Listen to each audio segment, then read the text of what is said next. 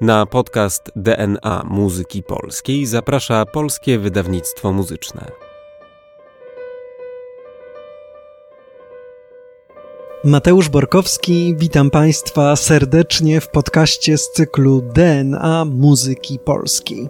Dziś porozmawiamy o Józefie Elsnerze. Kompozytor, dyrygent i pedagog, który zapisał się w historii muzyki polskiej na wiele sposobów.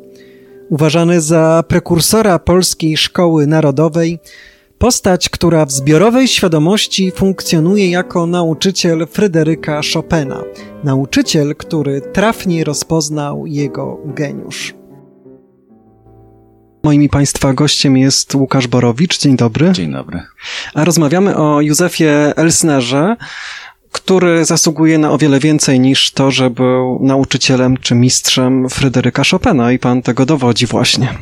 Ja miałem bardzo ciekawą styczność y, z muzyką Elsnera, polegającą na tym, że pomagałem przy edycji, przy takim muzycznym oglądzie nowego wydania Pasji. Pasji e, Jezusa Chrystusa, które jest e, no, opus magnum Józefa Elsnera i rzeczywiście jest utworem, powiedziałbym, wyjątkowym dla muzyki polskiej. Utworem, którego historia jest bardzo skomplikowana ze względu na to, że jest to utwór, który w jakimś sensie w naszej świadomości muzycznej istnieje, z racji tego, że to był utwór, który nawet znalazł się lata temu na płycie polskich nagrań. To była taka płyta wydana z okazji pielgrzymki Jana Pawła II do Polski, wizyty i Kazimierz Kord zaprosił solistów i wraz z chórem i orkiestrą Filharmonii Narodowej nagrali fragmenty pasji, ponieważ całość mieści się na jednej płycie kompaktowej. Ja tę płytę kompaktową mam, to był mały nakład i muszę przyznać, że to jest ogromnie ciekawe ze względu na to, że to jest prawie to, co później się mm. okazało, że w tej pasji było. Oczywiście była to wersja, to było opracowanie. Um, bardzo była skomplikowana historia, to tutaj trzeba by było komentarz muzykologów zajmujących się tym, jak to było z odkryciem tej całości, ale okazało się, że utwór w całości istnieje. E, ta partytura i na podstawie tej partytury ta obecna e, partytura PWM-u, Polskiego Wydawnictwa Muzycznego jest e, skonstruowana i no, te wszystkie muzykologiczne i nasze muzyczne dywagacje na temat pewnych szczegółów w oparciu o ten autograf kompozytora e, to wydanie zostało oparte, a ten autograf odnalazł się w Berlinie. W związku z tym mamy sytuację znakomitą, e, jest autograf, no ale oczywiście wróćmy jeszcze do historii. Po tym nagraniu fragmentów takiej powiedziałbym pasji e, no bardzo skróconej pod batutą Kazimierza Korda. E, pod koniec lat 90. miało miejsce wykonanie całości. To była wspaniała kolejna inicjatywa dyrektora Stefana Sutkowskiego, Warszawskiej Opery Kameralnej. Pamiętam wtedy e, to był jeden z takich pierwszych przyjazdów po latach do Polski Jacka Kasprzyka i w kościele ewangelickim w Warszawie, koło Zachęty, niedaleko Teatru Wielkiego, w tym olbrzymim kościele, gdzie zresztą utwór był prawykonany, E, tam e, był koncert. Ja pamiętam jako, jako licealista na tym koncercie byłem, czy jako student, nie pamiętam już jak to się dokładnie e, w latach sytuowało, ale pamiętam, pamiętam ogrom brzmienia, pamiętam niesłychaną akustykę tego miejsca, w którym, w którym to wykonanie miało miejsce. Zresztą tutaj ta akustyka miejsca prawykonania jest szalenie istotna dla w ogóle zrozumienia idei dzieła, monumentalizmu dzieła. No i właśnie, i mamy w tej chwili już drugą ćwiartkę XXI wieku za chwilę. I ta druga ćwiartka to będzie kolejne no, odkrycie w kwestii pasji Elsnera, ponieważ czekamy na wykonanie, które pozwoli zabrzmieć tej nowej wersji partytury polskiego wydawnictwa muzycznego. Przypomnę tylko, bo to jest zupełnie niesamowite, że premierowe wykonania były trzy. 20, 22 i 25 czerwca 1838 roku. Za chwilę do tej daty nawiążę, żeby w ogóle jakąś taką mm. panoramę tego, co działo się w muzyce w latach 30., w drugiej połowie lat 30. w Polsce, na świecie. E, w kościele Świętej Trójcy w Warszawie dochód z koncertu został przeznaczony na cele charytatywne. Dyrygenci Józef Elsner i Karol Kurpiński, czyli rzeczywiście oni, no tutaj nie ma więcej informacji, jak to było. Być we dwójkę. Albo we dwójkę. Przy, zresztą za chwilę do tego dojdziemy, bo we dwójkę, niedużo później, w latach 40., przy takich mega wydarzeniach w sensie ilości obsady, e, radził sobie sobie we dwójkę, dyrygując chociażby Hector Berlioz. Są słynne w pamiętnikach Berlioza jego e, relacje z tego, jak przy takich monumentalnych utworach postępować. No i właśnie, obsada, wokaliści. 14 solistów, tu są wszystkie nazwiska wymienione oraz trzy chóry. Przygotowanie chórów, też tutaj bardzo dużo nazwisk osób, które te chóry przygotowywały. Pierwszy złożony z 75 dyszkantów, 20 altów, 54 tenorów, 45 basów. Drugi złożony z 27 osób. No tutaj już troszkę nie wiadomo, co, jaka, jaka była dyspozycja głosów. I trzeci, chorus angelorum, chór złożony z 24 osób. Orkiestra, niesamowicie dwojone, to praktycznie cała Warszawa mhm. grała, chyba każdy, kto grał w jakiejkolwiek orkiestrze, a, czy zespole, został do tego przedsięwzięcia doangażowany. Mianowicie sześć fletów, sześć obojów, dziesięć klarnetów, sześć fagotów, sześć waltorni, sześć trąbek, pięć puzonów, między innymi Miller na puzonie. Tutaj jest tak, tak, że widocznie, zresztą to dlatego, że tam jest takie solo puzonowe i to chodzi o tego Millera, pewnie grał to solo. Zresztą niesłychana sytuacja. Pewnie wtedy w Warszawie każdy wiedział, kto to jest Miller i jak Miller gra, a Miller do historii przechodzi dzięki zapiskom w pasji Elsnera. Dwa kotły, jeden tołumbas, grankasca w nawiasie, jeden tamtam, dzwony chiński, piękne opisy z epoki. Dwie harfy, na harfach panny kochanowskie, no to lepiej nie mogło być zapewne. Dwa fortepiany, o to jest bardzo ciekawe dla nas. Dwa fortepiany, na jednym z fortepianów Krogulski czyli w kontekście muzyki XIX-wiecznej, naszej dzisiejszej wiedzy na ten temat, już wiemy, że... Ważne nazwisko. Ważne nazwisko. Mhm. Czyli to jest sytuacja taka między innymi jak, jak nie wiem, w Bayreuth są nagrania Knappertsbusza, gdzie e, podczas prób ze śpiewakami na fortepianie grał młody człowiek, który nazywał się Herbert von Karajan, prawda? To mniej więcej taka sytuacja. Także przy fortepianie tutaj Krogulski. E, organy, Freyer, 54 skrzypiec, 16 altówek, 9 wiolonczel, Wśród wiolonczelistów Molsdorf Szabliński, 8 kontrabasów. Tak to wyglądało. 120 minut muzyki. E, oczywiście sam skład orkiestry partyturowej jest znacznie mniejszy. To mamy dwa flety, trzy oboje, trzy klarnety, dwa fagoty, czyli klasyczna, rozbudowana orkiestra, romantyczna, e, cztery rogi, trzy trąbki, trzy puzony, Perkusja rzeczywiście rozbudowana. Jestem tam, tam i tamburo grande, czyli gran cassa i triangolo e, i campanelli. Te campanelli zresztą są tam rozbudowana bardzo partia pod koniec. To bardzo piękna. E, harfa, pianoforte, i organy. Organy wzmacniające brzmienie tutti, pomagające oczywiście we wszystkich churalnych fragmentach, natomiast pianoforte używane we fragmentach recytatywnych, także już oczywiście rozwód z klawesynem to już nie ta epoka, pianoforte jak najbardziej. Sopran solo, alt solo, tenor solo, bass solo, parę nazwanych ról oczywiście, między innymi Jezus, Judasz, e, Świadkowie i chór koryfeuszy. To bardzo w ogóle ciekawy pomysł Elsnera, żeby Ewangelista przemawiał wielogłosem lub głosem złożonym z wielu głosów dialogujących ze sobą. I oczywiście chór, który coraz to różnie się nazywa, w zależności od tego, o czym śpiewa, czy rzeczywiście jest chórem komentującym, czy chórem biorącym udział w akcji. Tak jak w każdej pasji, ten chór raz jest świadkiem, a raz jest bohaterem, raz jest aktorem w sytuacji. Kwintet smyczkowy. Tak wygląda sytuacja ogólna. Jednym słowem, ogromne przedsięwzięcie jak na tamten czas i to było wielkie wydarzenie. Elsner zresztą nie zdążył na Wielki Post, tak jak to było planowane, tylko tak jak pan już wspomniał, to był koniec czerwca 1938 roku. Ja myślę, że też pewnie te sytuacje związane z zorganizowaniem takiego wykonania i tak olbrzymiego aparatu wykonawczego, to wszystko jak zwykle przysparza wiele trudności.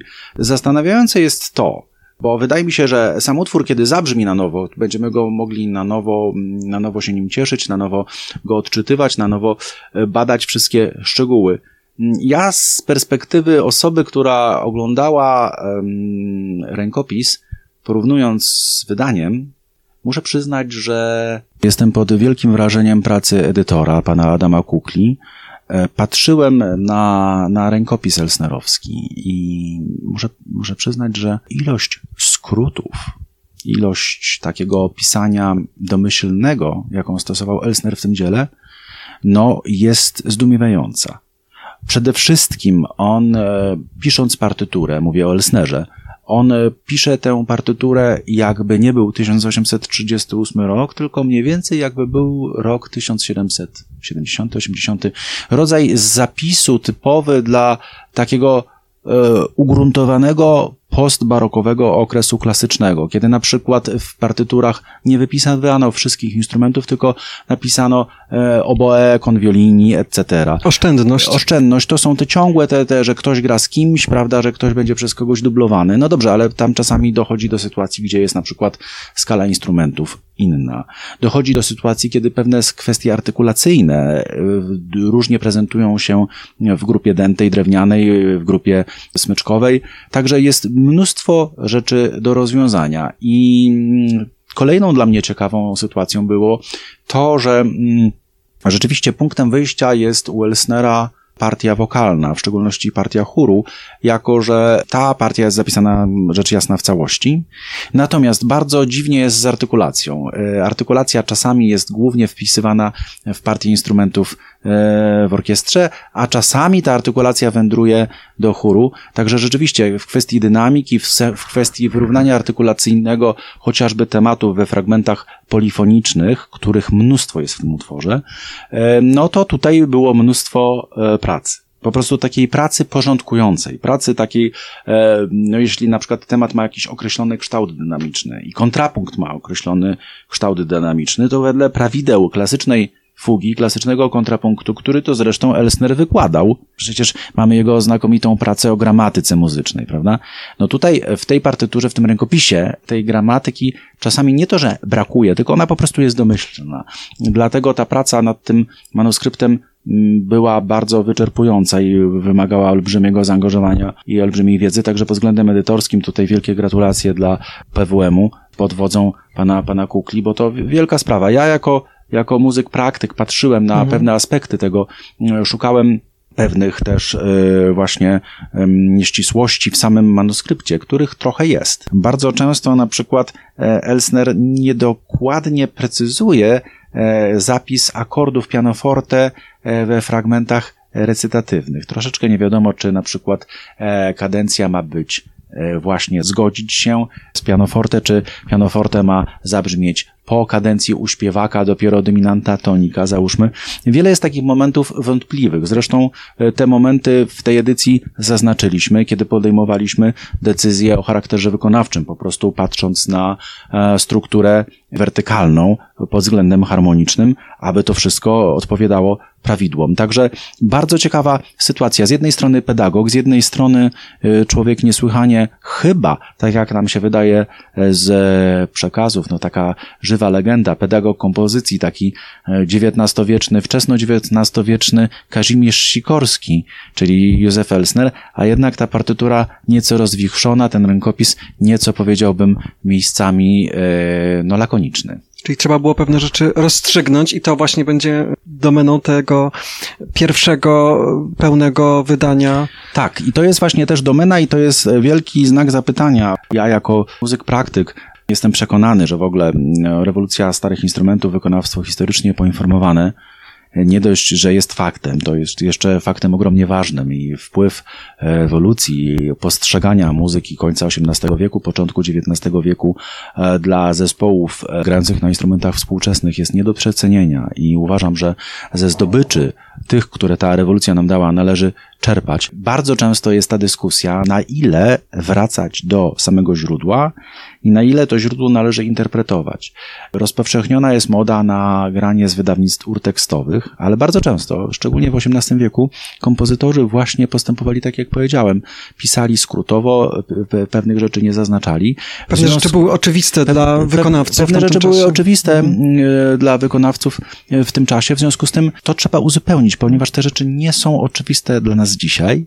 No i tutaj zachodzi taka niebezpieczna sytuacja, jako że zaczynając uzupełniać te rzeczy, gdzieś tam jesteśmy od krok od sytuacji, od której teoretycznie uciekamy, czyli od tak zwanych opracowań. Mhm. Czyli jeżeli wszyscy mówimy, że straszna rzecz się stała, że Kazimierz Sikorski opracował Halkę Moniuszki i trzeba zagrać to, co Moniuszko napisał, ale patrząc chociażby w pierwodruk, tam jest tyle błędów i tyle w tym pierwodruku niekonsekwencji, że no Bedřich Smetana zapewne widząc ten pierwodruk powiedział, że nigdy nie widział partytury, w której by było aż tyle błędów. Także to jest wszystko bardzo skomplikowane i te, i te błędy trzeba korygować i na pewno one były korygowane w XIX wieku podczas prawykonania, aczkolwiek trudno mi sobie wyobrazić poziom precyzyjności wykonania w składzie, o którym na samym początku naszej rozmowy wspominałem, ponieważ to jest skład, no, e, powiedziałbym, cały pociąg Pendolino chyba by nie zmieścił tego składu.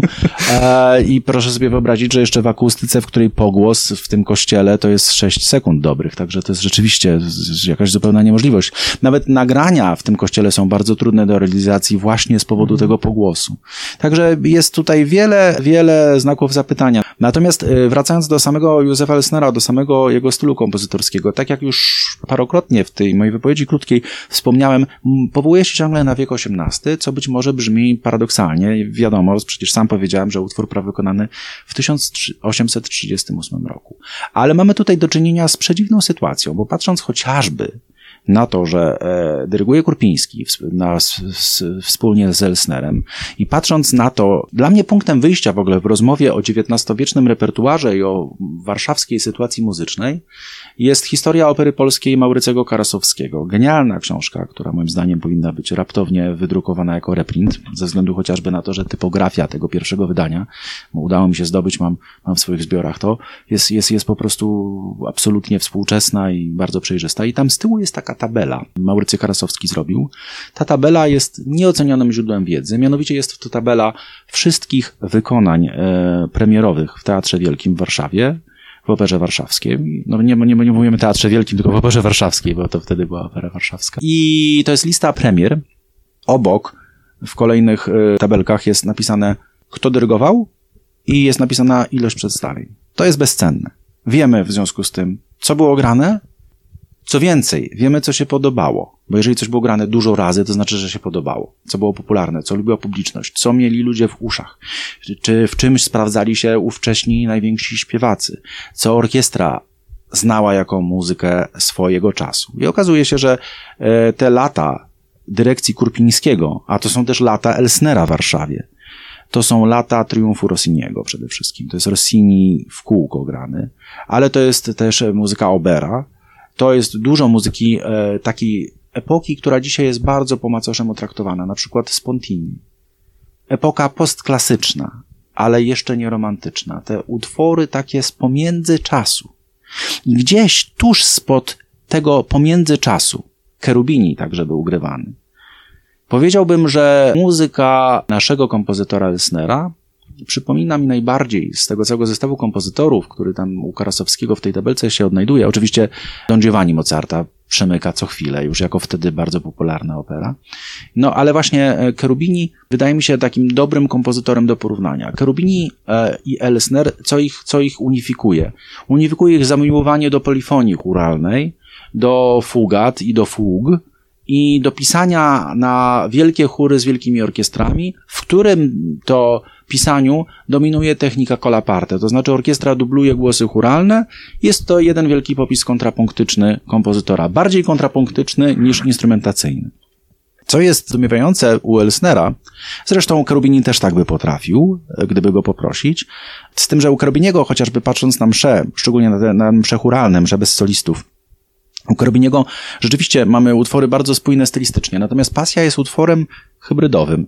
Z jednej strony mamy właśnie takie rodem z XVIII wieku wielkie fragmenty churalne, ściśle polifoniczne, z drugiej strony mamy arie, które wręcz są rodem z muzyki Rossiniego, są rodem z tej muzyki współczesnej, której to Elsner w Warszawie słuchał. Mamy solo puzonowe, wspomniałem o wykonawcy wykonanym, uwiecznionym.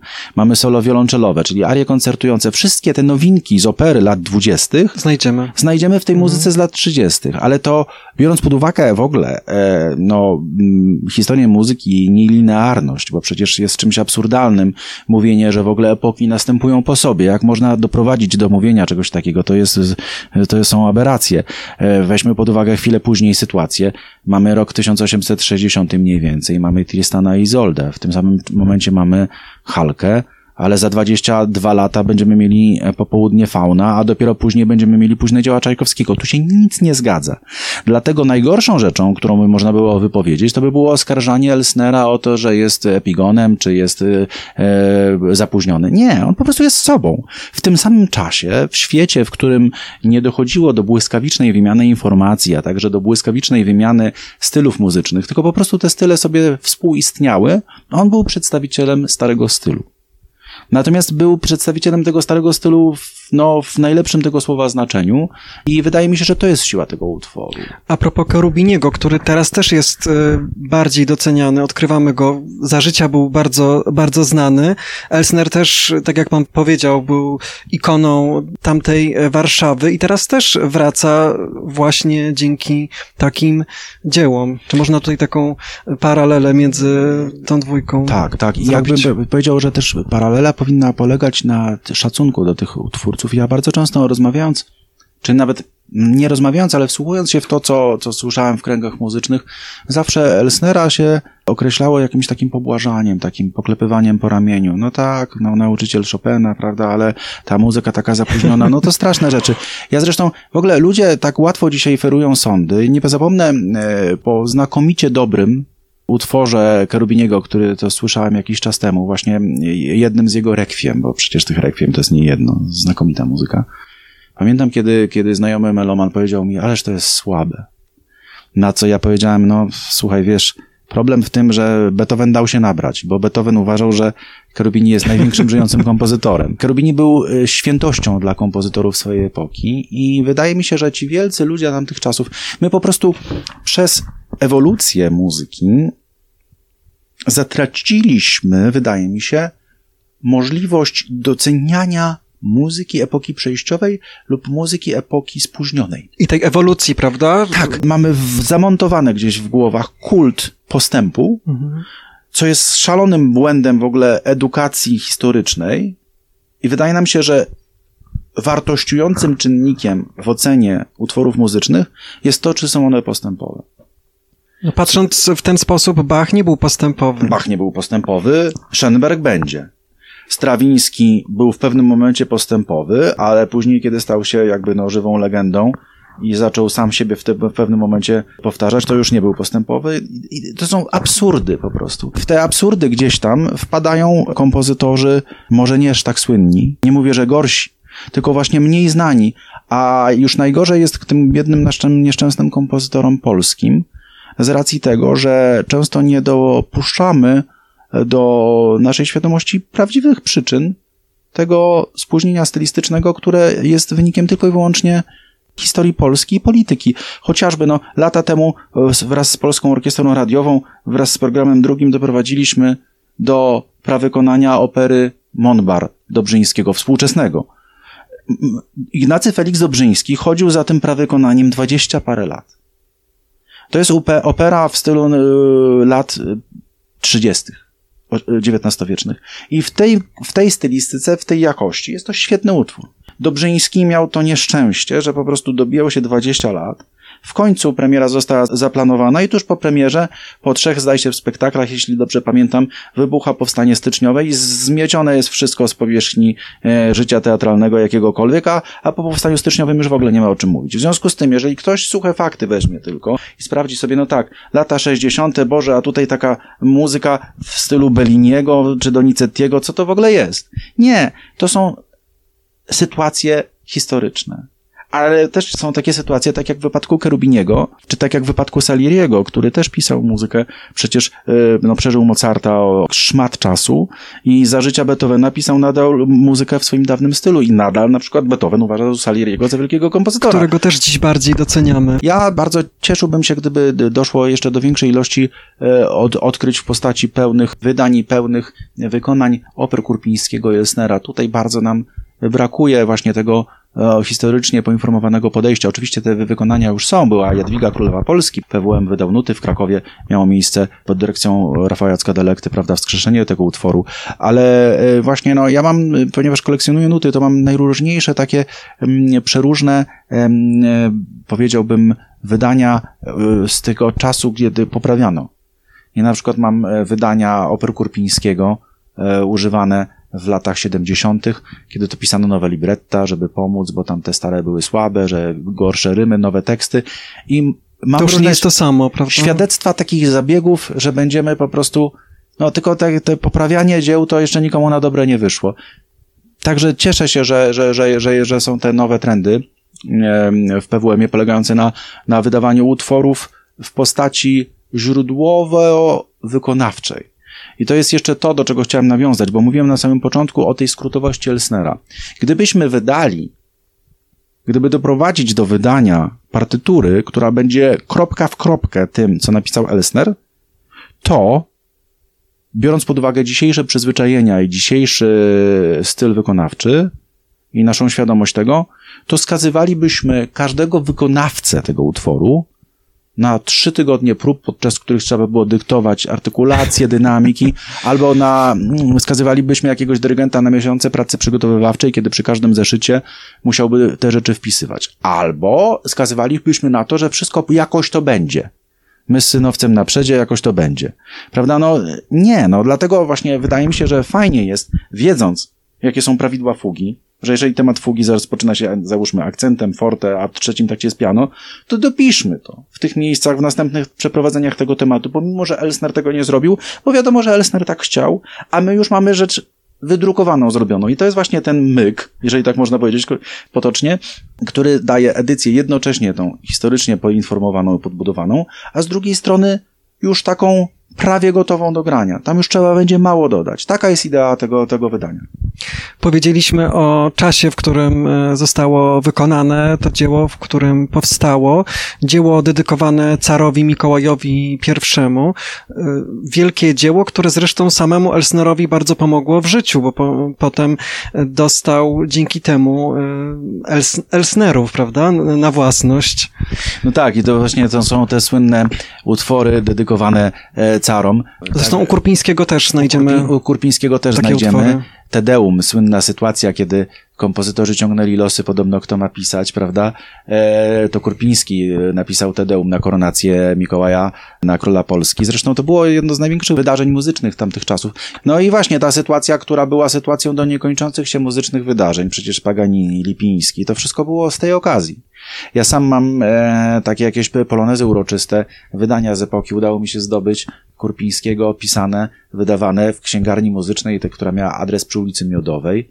To mi bliski adres ze względu, że tam była szkoła muzyczna, do której chodziłem, obecnie przeniesiona w nowe miejsce, gdzie jest zresztą przepiękna sala e, koncertowa, dłuta, wyobraźni Tomasza Koniora. Także to wszystko gdzieś no, historycznie się e, bardzo inspirująco łączy w jakiś jeden wielki ciąg opowieści, ale tak jak, tak jak mówimy, no, to wszystko łączy się, to wszystko z siebie wynika. Powiedzieliśmy, że szczytowe osiągnięcie w dorobku e, kompozytora tych utworów religijnych było bardzo dużo, bo obok oper to były bardzo różne msze, w tym rekwiem, w tym msza koronacyjna, e, tedeum, kantaty, hymny, motety. Ja myślę, że dla każdego kompozytora tamtych czasów, szczególnie tak ukierunkowanego jak Elsnera, i tutaj znowu potwierdzę, że znowu to jest dla mnie kompozytor XVIII-wieczny, pomimo, mm. że mhm. piszący w, w, latach 30. akurat ten utwór, to rzeczywiście wygląda na jego dzieło życia. E, nie tylko rozmiarami, ale takim rozmachem. I taką e, ciekawą, taką polistylistyczną jakąś zmiennością, taką jakąś strukturą dzieła kameleona. Raz mamy operę Rossiniego, a raz mamy fugę iście handlowską, ale to wszystko gdzieś się łączy. To nie jest, to nie jest e, utwór niespójny stylistycznie, to jest po prostu utwór o wielu jakichś płaszczyznach, które przez raz patrzymy z oddali bardziej, wtedy są te wielkie, furalne rzeczy, a raz jesteśmy w muzyce wręcz kameralnej. To są te momenty, w których chociażby mamy do czynienia z instrumentami koncertującymi w orkiestrze.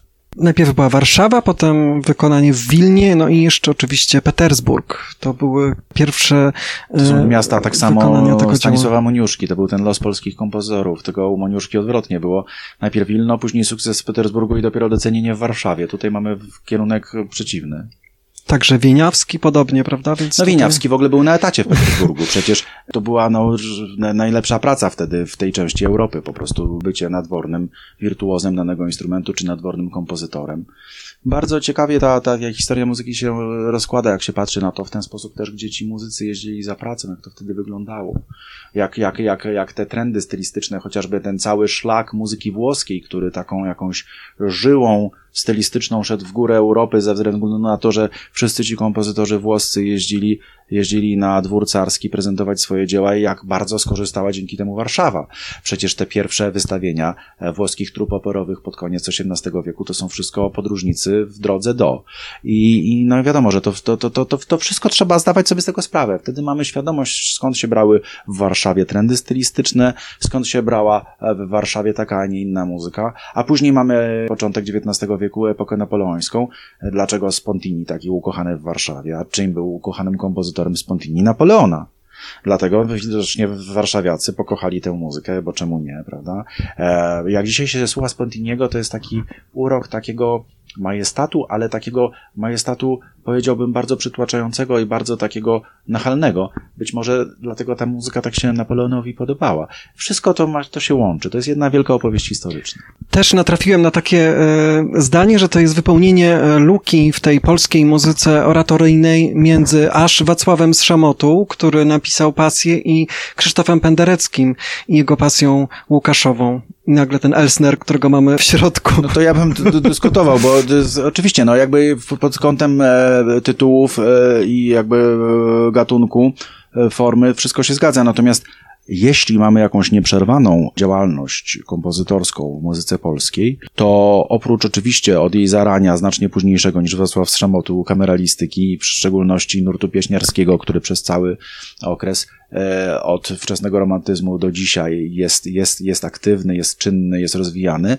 to biorąc pod uwagę skomplikowaną historię, brak orkiestr symfonicznych z oczywistych powodów, tę przerywaną historię muzyki operowej, która w dużej mierze była też muzyką operową przywożoną z racji mm. tego, że chociażby no, w XIX wieku nie tylko Polacy, ale Quattrini, prawda, w Teatrze Wielkim, no zagraniczni muzycy też mieli bardzo dużo do powiedzenia, zresztą sam Elsner przecież jest przybyszem, prawda. E, w związku z tym e, powiedziałbym, że jedynym takim gatunkiem muzycznym, który trwał nieprzerwanie i w którym wszyscy kompozytorzy odnajdywali się z racji tego, że było naturalne środowisko dla wykonań w postaci liturgii, to jest właśnie muzyka sakralna. To jest cały XVIII wiek, to są kapele e, przy kościołach, to są kapele magnackie, które też uświetniały nie tylko przedstawienia operowe i muzykę kameralną czy quasi-symfoniczną, ale przede wszystkim uświetniały uroczystości religijne. No i to jest cały XIX wiek, wielki nurt churalistyki. Przecież jeśli spojrzymy na twórczość wielkich naszych kompozytorów XIX-wiecznych, to każdy z nich ma olbrzymią dozę repertuaru e, sakralnego, nie tylko Moniuszko, ale spójrzmy nawet e, na kompozytorów późniejszych Felix Nowowiejski na przykład, prawda? I, i wielu innych kompozytorów, dla których no, ta churalistyka była y, świadomym wyborem z racji też ograniczonego y, możliwościami życia symfonicznego przy okazji y, tej muzyki religijnej Elsnera, to także wyjaśnię, dlaczego jego rękopisy były na Jasnej Górze, prawda? Niektóre. Na pewno, na pewno, no jest, ja w ogóle muszę przyznać, że, że, że ciągle odkrywamy w najróżniejszych miejscach Polski e, inspirujące e, inspirujące bardzo, bardzo i rękopisy, i, kom, i kompozycje, których wciąż, wciąż nie znamy. E, chociażby muzyka Zaidlera, festiwal Sacromontana, bardzo, bardzo ciekawe rękopisy. Mm. Muzyka Zaidlera, muzyka taka, polska muzyka mozartowska, to też jest taki czas przedelsnerowski. Ale to właśnie jest e, też kolejna teza dowodząca tego, że, że to nie są wyspy. To nie jest tak, że jest Wacław Strzamatu, Elsner, Krzysztof Penderecki. To jest nieprzerwana sztafeta różnych kompozytorów. Oczywiście nie wszystkie, nie wszyscy tak wspaniali, jak ci trzej główni, o których pan mówił. Czy Elsner jest panu szczególnie bliski? Patrząc na pański życiorys, można jakieś podobieństwa tutaj zauważyć też zamiłowanie do opery. Y, no nie, no ja się czuję tutaj, prawda, kurzem historii, który akurat tak przewiało, że na tej karcie Elsnerowskiej na chwilę miałem szczęście usiąść sobie, ale za chwilę już ktoś inny będzie w to patrzył i całe szczęście na tym polega właśnie, że to jest, że wszyscy możemy na to patrzeć. Ja jestem tylko wykonawcą, natomiast Elsner był twórcą i to jest różnica, no powiedziałbym, diametralna. E, natomiast, natomiast rzeczywiście jest, jest, jest, ja jestem sojusznikiem tych kompozytorów, tak jak już powiedziałem, z okresów przejściowych, mhm. z racji tego, że uważam, że oni są niedoszacowani. Muzyka ich jest niedowartościowana, muzyka jest, często traktowana z pobłażaniem, dlatego że przez lata była grana na odczepnego. Po prostu musimy zagrać, bo nauczyciel Chopina. Nie, no, sprawdźmy w ogóle, co jest w tej muzyce. Zobaczmy, jak tę muzykę wtedy się grało. Zobaczmy, jak ta muzyka ma się do nowinek europejskich, być może się ma nijak, bo Berlioz w tym czasie komponuje zupełnie inne rzeczy. Ale jak już się spojrzy na muzykę, tę, tę wielką muzykę sakralną Berlioza, Te Deum, Requiem, która też oprócz nowoczesności takich perkusyjnych, które chociażby u, tutaj u Lesnera są, no to, to, to, to, to Berlioz też w muzyce e, tej swojej sakralnej idzie wstecz. E, tak się pisało. Współczesną muzykę piszemy, głównie eksperymentujemy w symfonice. E, staramy się błysnąć i przede wszystkim staramy się wszelkie efekty zastosować możliwe, żeby mieć sukces w operze, ale muzykę sakralną piszemy według prawideł. I stąd wynika też fakt, że ta muzyka sakralna zawsze brzmi troszkę starzej w kontekście nowoczesności historycznej niż, niż muzyka inna. Dlatego jestem e, no, oboma rękoma za Elsnerem, żeby właśnie mu nie przylepiać jakiejś łaty, jakiegoś takiego profesorę, który tam spóźnioną muzykę pisze, kiedy świat już się zachłystuje e, symfonią fantastyczną. Dużo czasu minęło, zanim się świat zachłysnął symfonią fantastyczną. Dzisiaj mamy kulturę arcydzieł, postrzegamy e, historię muzyki jako właśnie takie wyspy, e, erupcje kolejnych talentów, natomiast muzyka jest usłana dziełami spokojnie tworzonymi przez kompozytorów wedle danego stylu. Tak jak mówię, wartościująca kategoria w postaci progresywnej nowości dzieła muzycznego jest w dużej mierze wymysłem teorii muzyki XX wieku sprzężonej e, z awangardowymi trendami. Też bardzo dobrze, ale nie dajmy się jakby nabrać, to bardzo mocne słowo, że tak we wszystkich wiekach było. Nie. Czasami nowości były mile widziane, ale czasami dobre, dobra muzyka napisana użytkowa też była mile widziana, po prostu. Pasja Domini Nostri Jezu Christi to też utwór, który wypełnia nam tę lukę takich utworów e, Wielkiego Postu. Mówię tutaj już w ogóle o literaturze światowej. Obok Pergoleziego, Haydna możemy postawić e, właśnie tego naszego Elsnera. Tak, no i oczywiście, rzeczywiście, jeżeli chodzi o Wielki Post, mamy, mamy e, piękną tradycję oprócz tego Stabat Mater, prawda, ale tych pasji nie jest wiele. W związku z tym cieszmy się tym utworem, zdecydowanie. Powiedział pan w jednym z wywiadów, e, że kiedy zabieram się do pracy nad danym dziełem, szukam jego adwokatów. Czy w przypadku Elsnera trzeba szukać adwokatów Elsnera? W wypadku Elsnera my musimy stać się jego adwokatami. Ja widziałem na własne oczy każdą kartkę, każdą kartę, bo to kartą należy nazwać, tego rękopisu pisanego z rozmachem, pisanego z polotem, pisanego być może nawet w pośpiechu ze względu na te skróty, ale pisanego z wielką pewnością. I myślę, że z tą pewnością powinniśmy iść wespół zespół, że mówiąc o tym dziele. Po prostu jest to, jest to świetnie napisane, zgodnie ze wszystkimi prawidłami dzieło. E, I powinniśmy dzisiaj patrzeć na ten utwór, tak jak już parokrotnie stwierdziłem, z wielkim szacunkiem na jego różnorodność, w jego gdzieś tam spojrzeniu w taki, w muzyczną przeszłość. Ale to jeszcze taka jedna dygresja. Ja się zajmuję też muzyką Antona Brucknera, sakralną. Nagrałem takie dwa albumy z e, Akademii Firalte Muzyki, z Rias Kammerchor, z wczesną muzyką e, Brucknera z okresu lińskiego. I to jest muzyka, która brzmi jak Michał Haydn. To jest muzyka jak brzmiąca, napisana 50-60 lat przed metrykalną datą. Mhm. Czy to coś nie oznacza? Czy to oznacza, że, że jest gorsza? Że, że jest gorsza, że Bruckner dopiero później, jak zaczął pisać te wielkie symfonie znane z dzisiejszych postromantycznych wykonań, to znaczy, że dopiero wtedy się nauczył pisać? Poza tym, tak mało badamy często e, sytuacje związane z powstawaniem danej muzyki. Pierwsza symfonia Brucknera według badaczy, e, kwintet smyczkowy, który ją wykonywał, był naprawdę mały ze względu na, na miejsce, w którym to było prawykonane w Lincu. W związku z tym dzisiaj gramy w olbrzymich zestawach instrumentów smyczkowych te utwory, bo mamy olbrzymie sale, bo się wszystko pozmieniało, ale to nie znaczy, że to są utwory nowoczesne, a te utwory pierwsze, napisane na te mniejsze składy, tu mówię o muzyce wokalno-instrumentalnej, sakralnej Brucknera, nie znaczy, że one są gorsze. To jest najlepszy przykład. Jeden z najwybitniejszych kompozytorów, Anton Bruckner, który sam w sobie nosi na początku muzykę taką elsnerowską. Ale nikt Brucknera nie odsądza od czci wiary, a jak się powie głośno Józef Elsner, to wszyscy mówią o rany. A co, rocznica jest? Prawda? Także nie. Po prostu nie i jeszcze raz nie. Należy grać, należy wysłuchać w tej nowej wersji i dopiero wtedy potem skrytykować. Jednym słowem, musimy być bardziej otwarci na, na muzykę. To jest takie banalne, ale jednocześnie, jednocześnie prawdziwe. Ja muszę powiedzieć, że im jestem starszy, tym bardziej to czarno-biało widzę I e, najczęściej o muzyce mówią źle osoby, które w ogóle tej muzyki nie słyszały. Mówią z wielkim przekonaniem, podają argumenty, co gorsza. Najgorzej też jest, jeżeli taka osoba wysłucha kawałka jakiegoś utworu i już też na, wszystko na ten temat wie. Także e, jeżeli chodzi o Elsnera, powiedziałbym, e, zachowajmy spokój, ale wysłuchajmy do końca i wtedy dopiero się wypowiedzmy. A w tym pomaga nam i będzie pomagać, jak powiedziała Dorota Schwarzman, kustosz dźwięków zapomnianych Łukasz Borowicz. Bardzo dziękuję. Bardzo dziękuję serdecznie. Wydawcą podcastu DNA Muzyki Polskiej jest Polskie Wydawnictwo Muzyczne. Zapraszamy na kolejne odcinki oraz do śledzenia naszych mediów społecznościowych.